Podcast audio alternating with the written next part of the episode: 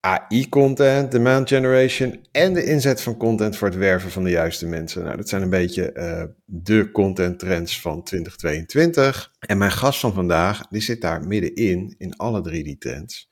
Want Edwin Flems is inbound marketing en recruitment, inbound marketing en recruitment consultant bij Comax. Comax? Comax, ja. Comax, mag ik gewoon op zijn Nederlands zeggen. En spreker en gastdocent en auteur van vijf boeken. Maar ik ben verder helemaal niet jaloers. Edwin, zullen we beginnen? Ja hoor.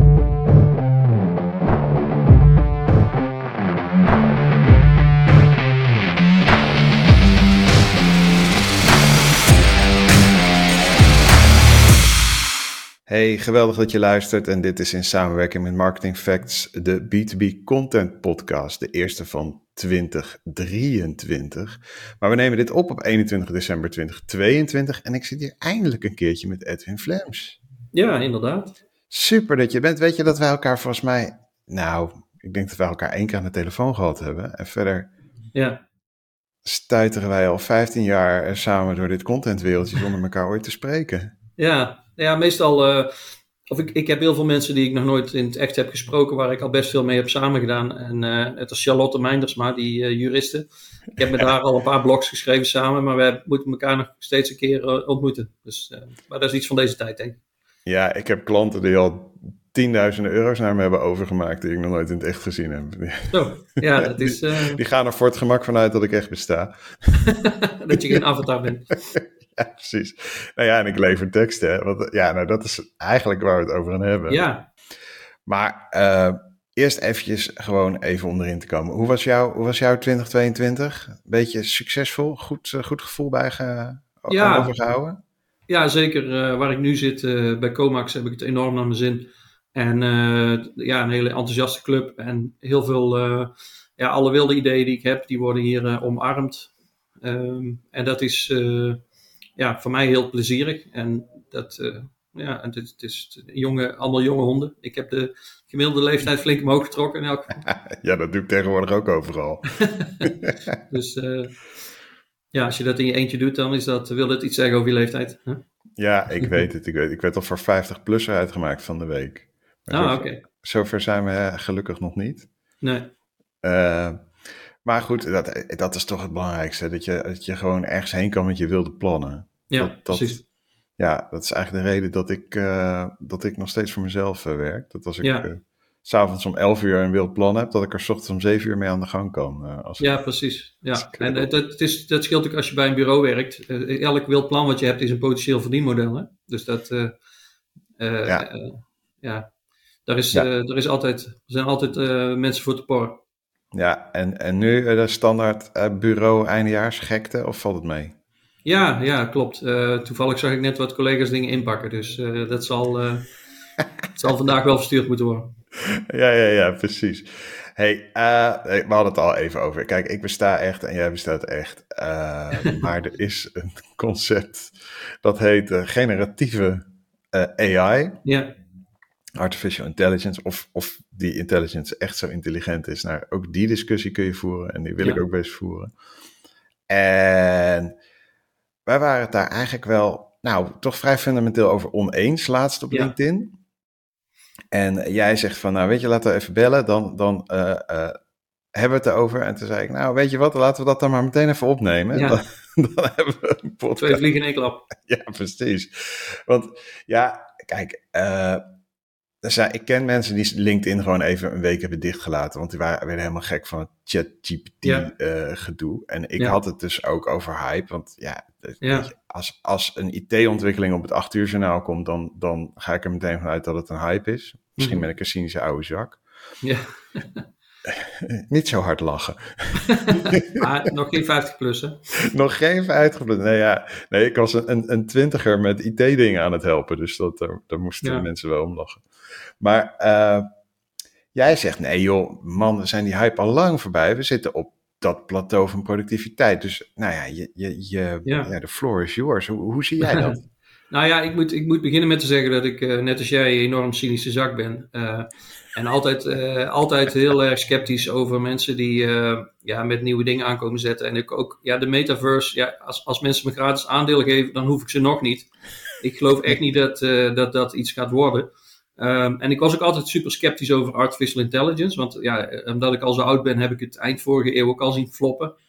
Rond de jaren 99 ja. uh, waren er verschillende mensen die ik ken die een uh, opleiding AI zijn gaan doen. En dat ze dachten van dat wordt de toekomst. Ja. Maar ja, dat is, is ingezakt. Dus die mensen doen inmiddels wat anders. Um, en, inmiddels, en toen hoorde ik dus laatst dat ook artificial intelligence weer werd opgepakt. Dus ik dacht van ja, ook blijkbaar moet elke generatie een keer zijn hoofd stoten tegen dit soort ontwikkelingen. Um, tot ik werd uh, geconfronteerd met DeepL. Ik weet niet of je die kent. Dat is, Absoluut. Ja, dus, en, en dat vond ik al verdacht slimme software. Dus die, die ook echt leek te begrijpen wat ik aan het, aan, het, vertellen was en wat ik probeerde te vertalen. en waarbij Google, Trans, of Google Translate echt in de, in de schaduw staat. Ja, en dat, moeten we inderdaad even, even, voor de ja? luisteraar even zeggen. DeepL is, is een AI-vertaaltool die inderdaad stukken beter is dan Google Translate. Ja, ja nou, wat, ik, wat, ik, wat mij opviel is dat hij dus ook, uh, als je aan het typen bent, dat hij ook, ook de, de stukjes tekst die je al getypt hebt, die vertaalt hij later weer, omdat hij dus doorheeft welke kant je op wilt. Hè? Dus, ja. dus het leek een beetje op begrip te lijken. En ik, ik, ik heb altijd gezegd van een computer kan niet begrijpen. Um, en toen uh, kwam ik in contact met Jasper.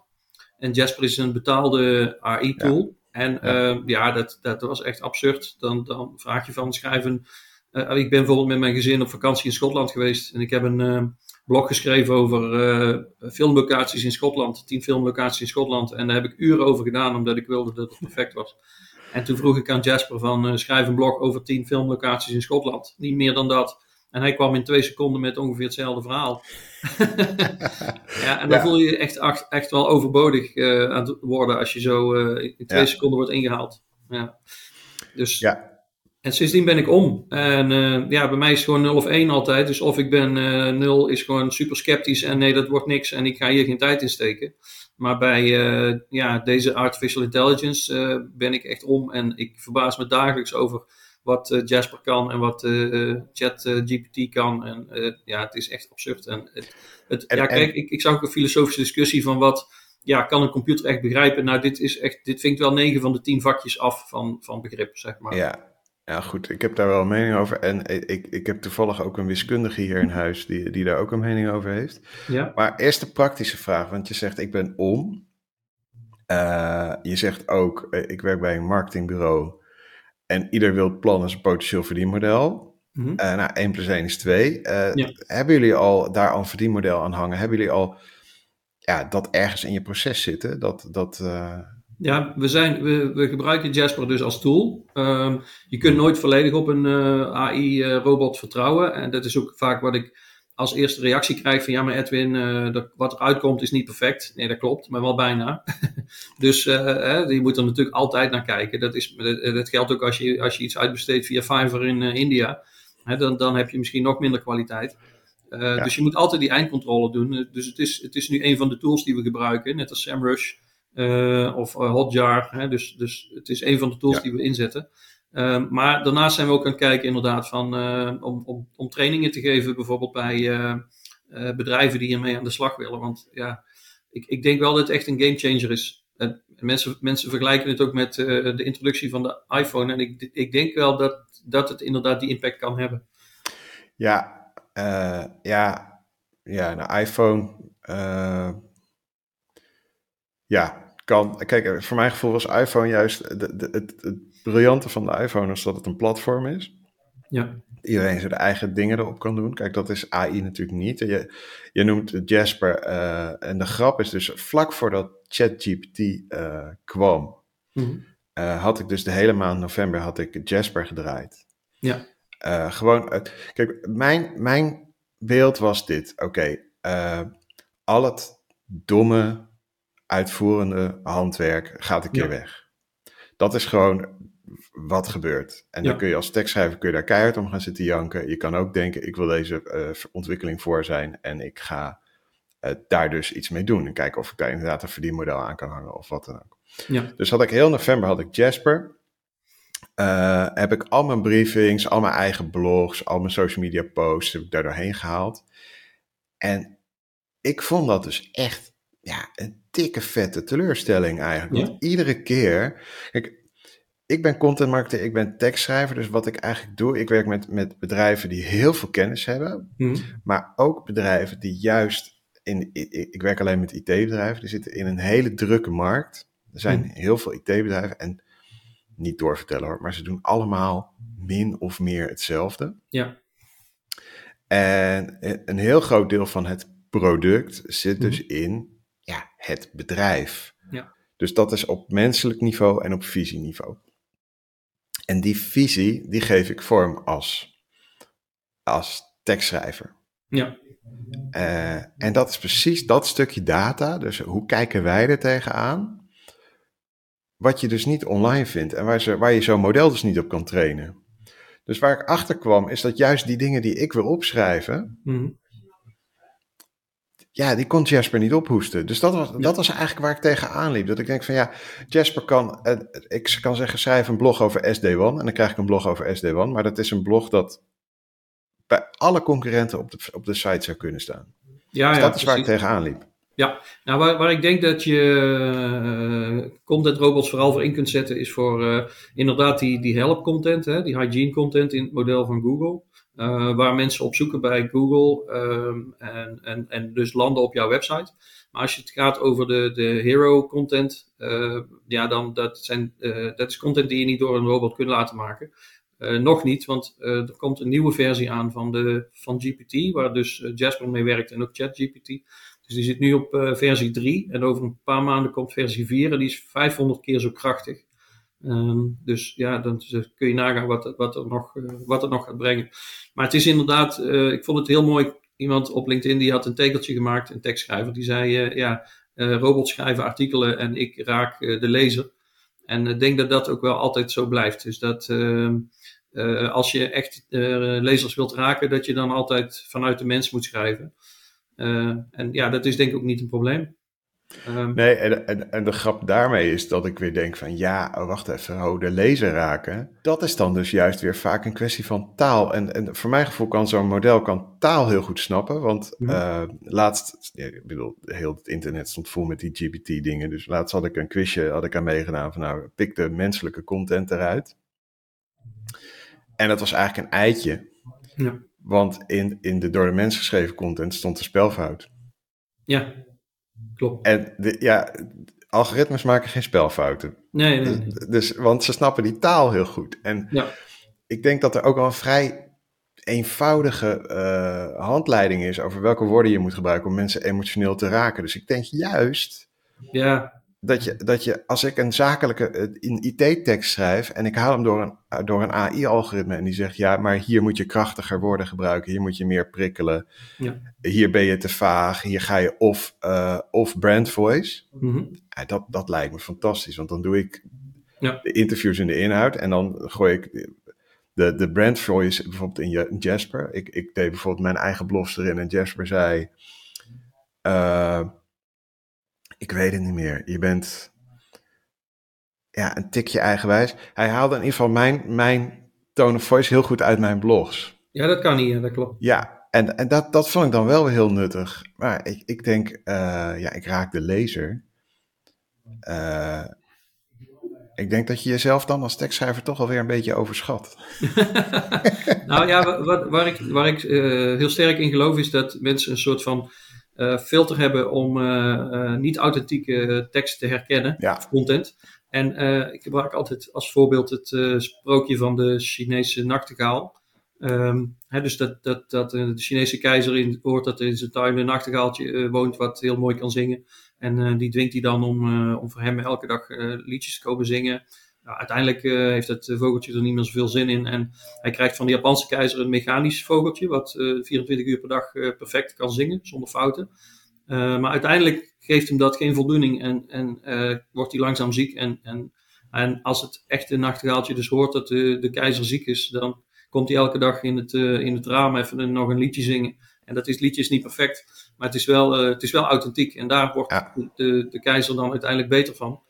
Eh, en ik denk dat dat ook wel, eh, dus ook al is straks voor versie 4 500 keer zo krachtig als versie 3, dat je dan toch nog als mens een soort, soort herkennings, zo'n bullshit filter hebt die, die, die, die, uh, die ziet of iets echt authentiek is of niet. Ja, nou, en ik denk dat we het daar dan uh, over eens zijn. Dat, dat je uiteindelijk kom je ergens op een punt waar jouw menselijke input en, en wat een computer kan elkaar raken. Ja. En ik bedoel, kijk, het, ik vind het denkwerk leuk aanschrijven. Ik, vind, ik doe interviews, ik hou visie en kennis op bij consultants die, die niet online staan, die in hun hoofd ja, zitten. Dus ik genereer nieuwe informatie. Nou, dat kan een algoritme niet. Maar uh, uh, laten we zeggen dat de, de SEO-schrijvers van 3 cent per woord, dat die echt, echt in trouble zijn nu. Ja, maar wat, wat, ik bijvoorbeeld een mooi voorbeeld vind van hoe dat een robot ons kan helpen, is ik sprak iemand die als hobby uh, schrijven had en die dus eigenlijk uh, betaald fabrieksmatig echt van die uh, helpteksten moest schrijven voor websites, echt, echt productiewerk. En die eigenlijk haar hobby verloor, hè, die dus het, het, schrijven gewoon niet meer leuk vond. Kijk, en als dat straks door robots wordt overgenomen en, en je kunt echt uh, doen wat je hart, uh, echt, waar, waar, je hart warm van wordt, ja, dan is dat, vind ik, een, een voordeel van, de, van die automatisering. Ja, of zoals ik laatst inderdaad ook zei, uh, de tijd dat ik productomschrijvingen typte voor 7,50 euro per stuk, die mis ik echt niet. Ja, precies. Ja, dus er is, er is heel veel werk wat minder leuk is en wat een robot heel mooi zou kunnen doen voor ons. Ja, ander onderwerp. Mm -hmm.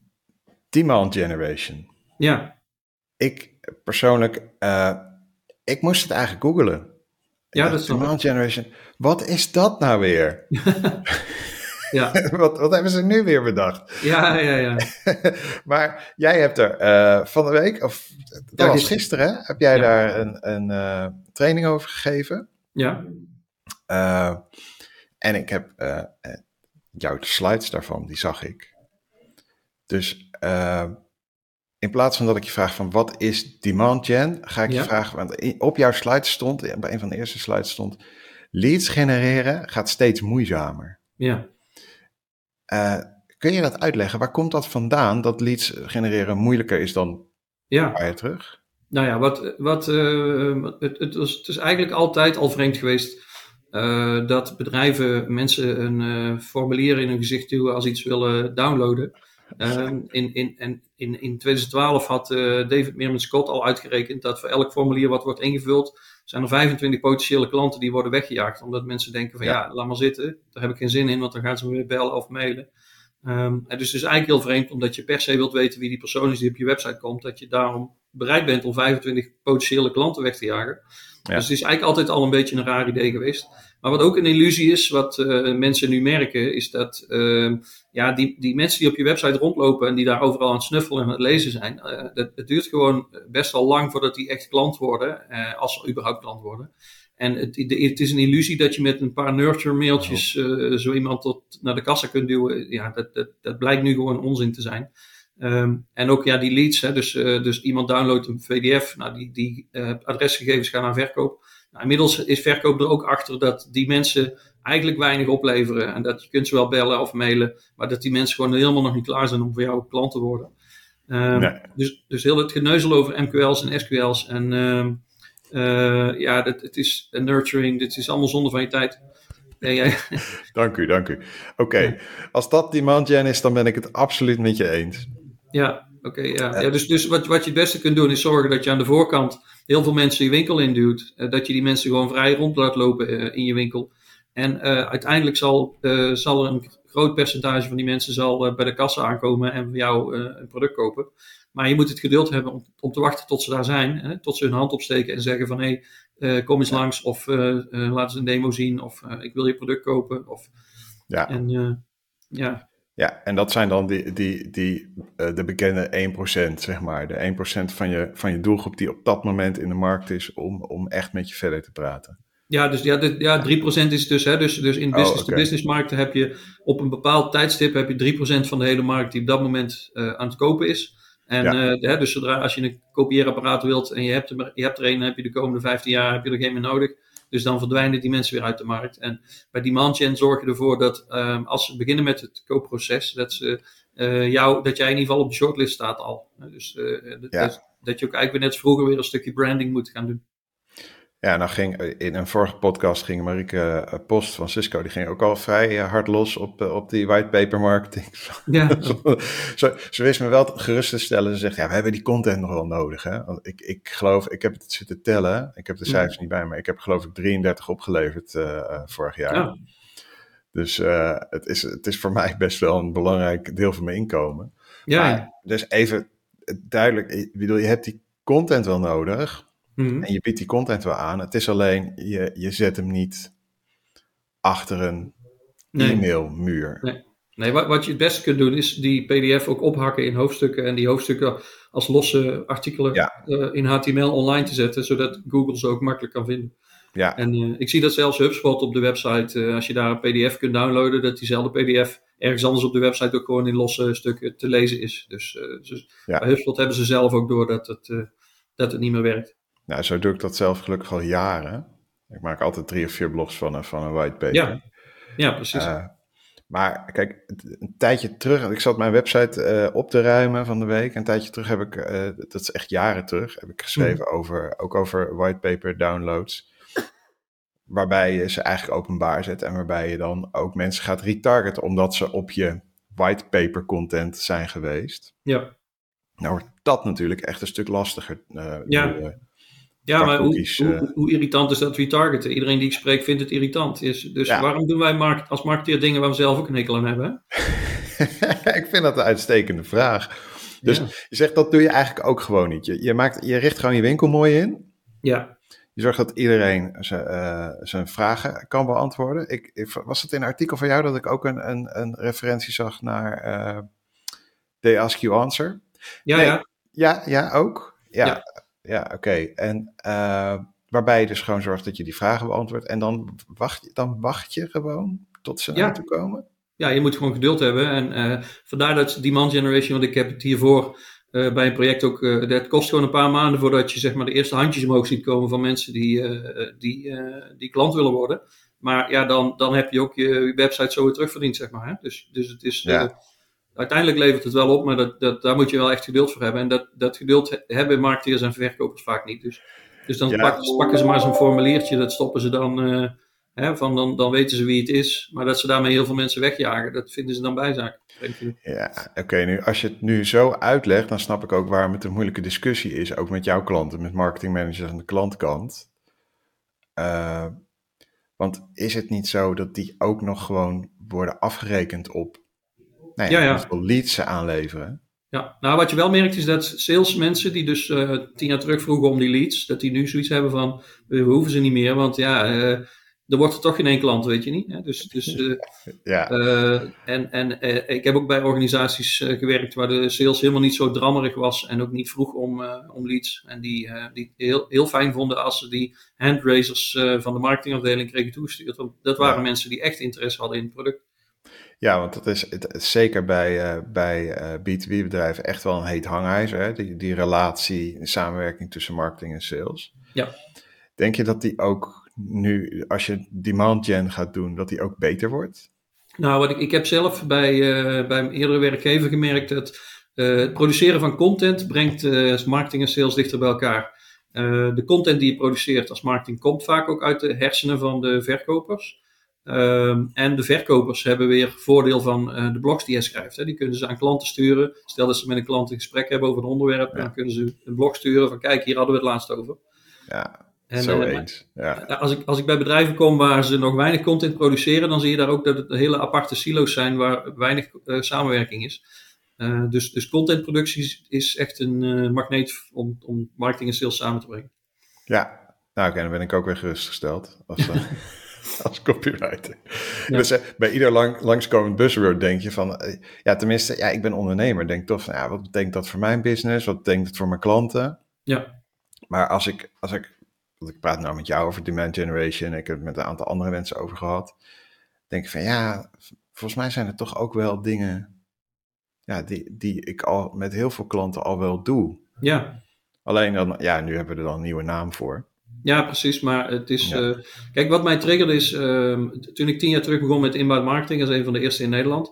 werd ik eigenlijk getriggerd omdat marketeers. Uh, ja, de, de, klassieke marketing en sales werkte niet meer. Hè? Dus koud bellen en advertenties in vakbladen en zo. Dus, maar wat, wat was de reflex van de marketeers? is doe alles maar twee keer zoveel, weet je niet? Twee keer zoveel cold calls, twee keer zoveel advertenties. En dat is meestal een trigger dat je een nieuwe, ja, een nieuwe visie nodig hebt. En dat was, toen was het inbound marketing. En nu zie je eigenlijk hetzelfde. Dus dat ehm, het, het, het, model werkt niet meer van het inbound marketing. Dus gingen ze, gaan we alles maar dubbel doen. Twee keer zoveel content, hè, twee keer zoveel Google Ads. En um, uiteindelijk is gewoon een, een, een, andere visie nodig op de markt. En, uh, ja, en dat is dan demand generation. Want het, het is meer dan alleen uh, uh, het, het, het, stoppen met stalken van mensen. Het is ook dat je aan de voorkant moet zorgen voor een stukje branding. En dat, dat, kan ook, dat hoeft geen geld te kosten. Hè. Dat kun je ook op LinkedIn doen door uh, je medewerkers ja. uh, actief over de markt te laten praten en daar een mening te verkondigen. En, en, en dat ze eigenlijk top of mind worden bij potentiële klanten. Ja, ja wat dat betreft is organische social is, is helemaal terug, hè? Ja. Dat, uh, want ik, ik stond, jaren geleden stond ik op een social media club in Breda. En toen stond ik daar met, met How Brands Grow te zwaaien. Ja, ja. Zo van, je hebt helemaal geen reet aan community. Je moet gewoon die, die de klanten die uit jouw doelgroep die jou nog niet kennen, die moet je bereiken. Want dat zijn de meeste klanten. Nou, klassieke uh, theorie. En toen was er ook een artikel van Evanas Korshik, die zei van nou, stop all social media activity. Mm -hmm. Dus dat is een heel, heel lang heb ik dat geroepen, heb ik praatjes gehouden. Nou, pek en veren naar buiten natuurlijk bij Social Media Club. En nou ja, ik heb ook dus ongelijk gekregen nu. Want ik ben zelf nu heel druk met organische social en er valt dus gewoon iedere week een lead uit nu. Ja, precies. Ja, maar dan wel vanuit het individu, hè? niet vanuit het bedrijf. Ja, en, en dat is natuurlijk wel een dingetje. Uh, die bedrijfspagina's op LinkedIn, ik weet niet, doe jij daar veel mee? Nou ja, het is, uh, het, het, is inmiddels al zo dat de gemiddelde medewerker heeft een even groot netwerk als de gemiddelde bedrijfspagina. Dus, dus uh, het is eigenlijk heel raar dat je die potentie in je bedrijf niet uh, inzet als marketeer. Ja. Bovendien, wat ook nog een uh, nadeel is, dat bedrijfspagina's worden door de platforms zelf ook gediscrimineerd. Hè? Dus wat ik daarop post, dat wordt maar een 10% getoond van, de, van iedereen. En wat, wat heel veel mensen ook niet beseffen, is een bedrijfspagina wordt meestal gevolgd door de verkeerde mensen. Dus door concurrenten, door leveranciers, uh, door medewerkers. Maar de potentiële klanten, die zitten juist in de netwerken van de medewerkers. Die, ja. die zitten niet op de, op de bedrijfspagina. En dus je moet eigenlijk volledig die focus uh, van de bedrijfspagina richten op de collega's die naast je zitten. En hen stimuleren om, uh, om meer te doen. Ja. Maar ik zie een bedrijfspagina wel als een soort van verzamelbak van content. Hè. Dus op zich heeft het, heeft het wel nut hoor. Ja, en het, het, het, lijkt erop dat we binnenkort via onze bedrijfspagina's dus ook posters kunnen gaan boosten, betaald, van, ja. van onze medewerkers. Ja, ja, ik ben benieuwd. Ja, ja, dat is aangekondigd. Daar hebben ze uh, 35 seconden over gepraat op een online event. en vervolgens hebben we niets gezien van hoe dat nee, concreet ja, eruit ja. ja, LinkedIn komt ooit met hele rare ideeën. Ja, nou ja, goed, we gaan meemaken hoe dat... Uh, het, het, was in ieder geval mijn LinkedIn-post daarover was mijn viral post van dit jaar. Ah, oké. Okay. Dus, het, het, het, leeft wel, ja. Ja. Dan even uh, als laatste denk ik even de stap van... Nou ja, we hebben het toch over LinkedIn... Wat ik zie bij heel veel IT-bedrijven mm-hmm. waar ik mee werk, is dat, nou ja, soms dan worden marketingcampagnes zelfs stopgezet, want er zijn te veel klanten en we mm-hmm. hebben niet de consultants om ze, om ze te bedienen. Ja. Uh, jij doet ook veel met recruitment? Ja, ja niet, niet bewust. niet, hoezo niet? Nou, ik, ik rolde erin. Uh, ik was dus bij uh, mijn eerdere werkgever begonnen met inbound marketing. En uh, eigenlijk om klanten aan te trekken. En na een jaar hoorde ik dus van de HR-manager van Edwin. sinds jij met inbound marketing bezig bent, hebben we vier keer zoveel reacties op vacatures. En okay. daar was ik me helemaal niet bewust van. Um, en, en wat bleek nou? Dus uh, heel veel mensen die, onze, die zagen de content over projecten, over verkopers, over, ja, en, en die transparantie die sprak ze enorm aan. Dus het leek gewoon ja, leuk om bij ons te komen werken.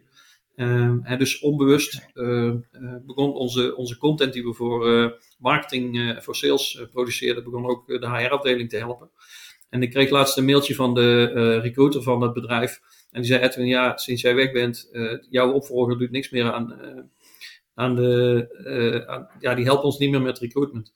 Oh, okay. ja, je, je, kunt heel, uh, je kunt heel makkelijk uh, ja, je, je recruitment collega's helpen door, als ik, als ik een verkoper interviewde over een product of een dienst, dan vroeg ik aan het eind ook altijd van ja, hoe bevalt het hier eigenlijk en wat, wat ja, met een stukje toelichting. En dat stukje content, daar kan de recruitmentafdeling dan weer een nieuwe verkopers mee aantrekken. Ja, oké. dus wat je eigenlijk zegt is, uh, je moet die tweedeling helemaal niet maken. Nee, nee, nee. Dus maar je ziet heel, veel, heel veel bedrijven waar uh, recruitment en marketing of heel erg sterk samenwerken, of zelfs waar recruitment al onderdeel is van de marketingafdeling. Oké. Uh, dus er is enorm veel synergie en steeds meer bedrijven die, die zien dat. Ik geef zelf met Denise Pellinkhoff een workshop Employee Advocacy voor de NIMA. Dat is een moeilijk woord om collega's eigenlijk te stimuleren om uh, om, om, content te delen. En we steeds, zien steeds vaker zien wij uh, daar marketeers komen die dan een HR-collega meenemen. Of, of, of, bedrijven waar alleen de HR-collega naar ons toe komt. Zeg maar. Dus je ziet, de synergie is, uh, is enorm tussen marketing en recruitment. Ja, ja, en ook daar geldt dus dat je gewoon, als je aan de voorkant, zeg maar, in, in je organische content goed zichtbaar bent, ja. dat ze dan uiteindelijk helemaal aan de achterkant mm -hmm uh, komen ze wel binnen op die vacatures. Dus daar, daar zie je eigenlijk het effect. Ja, ja. ja. eigenlijk waar het op neerkomt is, het, het, maakt niet meer uit of je praat over klanten of over collega's, maar uh, je gebruikt mensen om mensen aan te trekken. Dat is eigenlijk het idee dat je, de, de magneetwerking zit in de mens. En uh, als je dat slim inzet, uh, dan kun je daar heel veel uithalen. En met, met, slim inzetten bedoel ik niet dat je je collega's ziet als een wandelend billboard waar je allerlei links tegen, tegen aan kunt gooien. ze moeten vanuit zichzelf uh, ja, een stukje personal branding werken. En als ze dat goed doen, dan hebben ze zelf daar baat bij. En uh, heeft het bedrijf daar baat bij. En dan zowel de marketingafdeling als de recruitmentafdeling.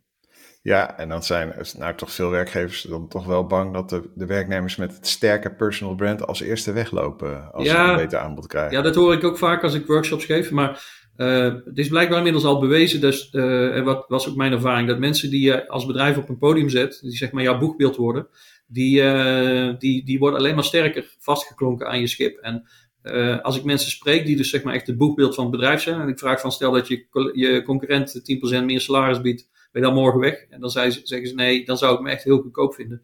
Want ik ben nu het boekbeeld van dit bedrijf. En als ik morgen het boekbeeld van, van de concurrent ben, dan, ja, dan, ja, het voelt wat hoerig aan, zeg maar. Hè? Dus, ja, oké, okay. ja, tuurlijk. Ja, nou ja, dan komt misschien een cynische oude zak bij mij weer boven. Maar uiteindelijk, mhm. kijk, uh, uiteindelijk blijven mensen denk ik bij je als je, zolang je ze dingen biedt. Uh, ja. We begonnen dit gesprek met, jij hebt een werkgever waarbij, waarbij je met waanzinnige plannen kan komen en die dan ook worden uitgevoerd. Mm Ik denk dat dat toch uiteindelijk het belangrijkste is. Als ik ja. ergens werk, uh, niet dat ik daar nog geschikt voor ben, maar als ik ergens werk en mijn baas die gaat tegen mij zeggen van ja, je loopt de klooi op LinkedIn, kun je, kan, kun je een beetje dimmen? Ja. ja dan, dan ben ik volgende week weg. ja, nee, dat, uh, nee dat, uh, dat klopt. Dat herken ik wel. En dat is inderdaad die vrijheid en dat vertrouwen, dat is gewoon heel belangrijk. En dat, uh, ja. daar heb ik het wat dat betreft wel heel erg mee getroffen hier. Ja. Oké, okay, nou dan zijn we rond. Ja. Dankjewel. Oké. Okay. Dit was hem weer, de B2B Content Podcast. En ik vind het heel fijn dat je hebt geluisterd. Uh, je weet, als je nooit een aflevering wil missen, dan moet je bij mij op een maillijst komen. En dan moet je toch je e-mailadres inleveren. Dan krijg je wel, iedere week krijg je dan een awesome artikel direct uit de praktijk. Uh, dus ik bied je wel waarde en ik, ik, ik, probeer je echt niks aan te smeren. Er staat een affiliate link in af en toe. Uh, maar goed, de inschrijfpagina, daar kom je heel makkelijk op boukvlierhuis.nl of via mijn LinkedIn profiel. Edwin, jij bedankt dat je er was. Ja, was leuk. Graag gedaan. En iedereen die luisterde, uh, tot de volgende.